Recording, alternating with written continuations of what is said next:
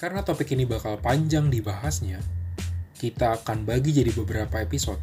Episode pertama kali ini kita akan bahas tujuan relationship itu sendiri.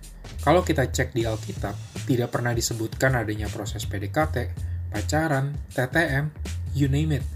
Adanya tunangan dan menikah. Jadi, ciri-ciri healthy relationship dengan lawan jenis adalah kalau tujuannya untuk menikah bukan karena kesepian, bukan karena lumrah, bukan karena pengen aja.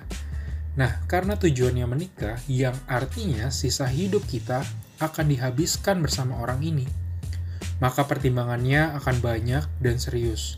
Gak cuma yang secetek, gue suka lu, dan lu suka gue.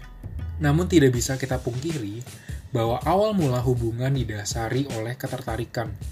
Misalnya Yakub lebih memilih Rahel, ketimbang Lea karena Rahel lebih elok sikap dan cantik parasnya.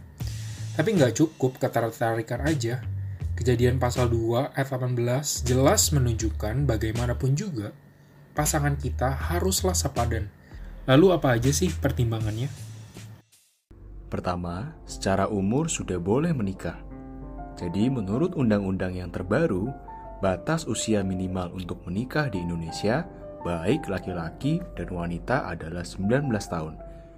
Jadi kalau masih SMP dan SMA, nggak usah dululah pacaran.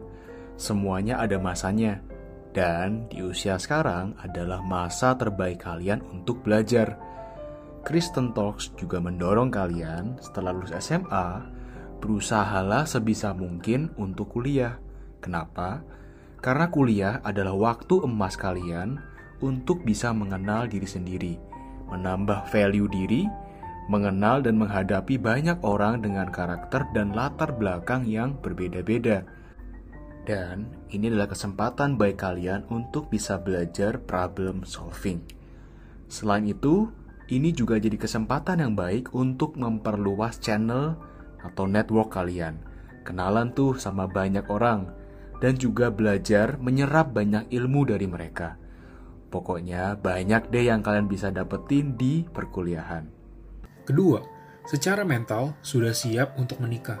Begitu lo menikah, status lo nggak cuma dari anak jadi suami atau istri aja, tetapi juga jadi menantu, kakak, adik ipar, nanti jadi ayah atau ibu. Sudah kalau belajar gimana menjadi suami, istri, orang tua? Belum.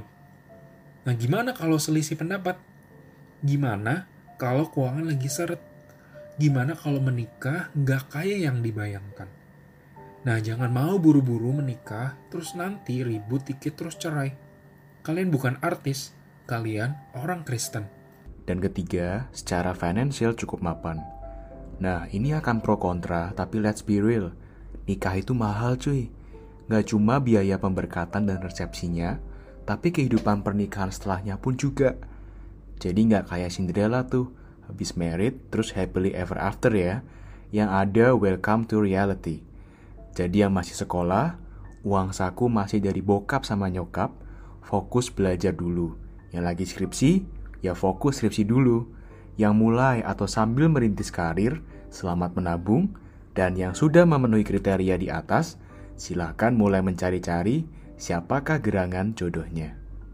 Hmm, Gimana cara carinya? Nah, di episode berikutnya kita akan bahas cara cari jodoh yang tepat itu gimana sih? So, stay tuned guys.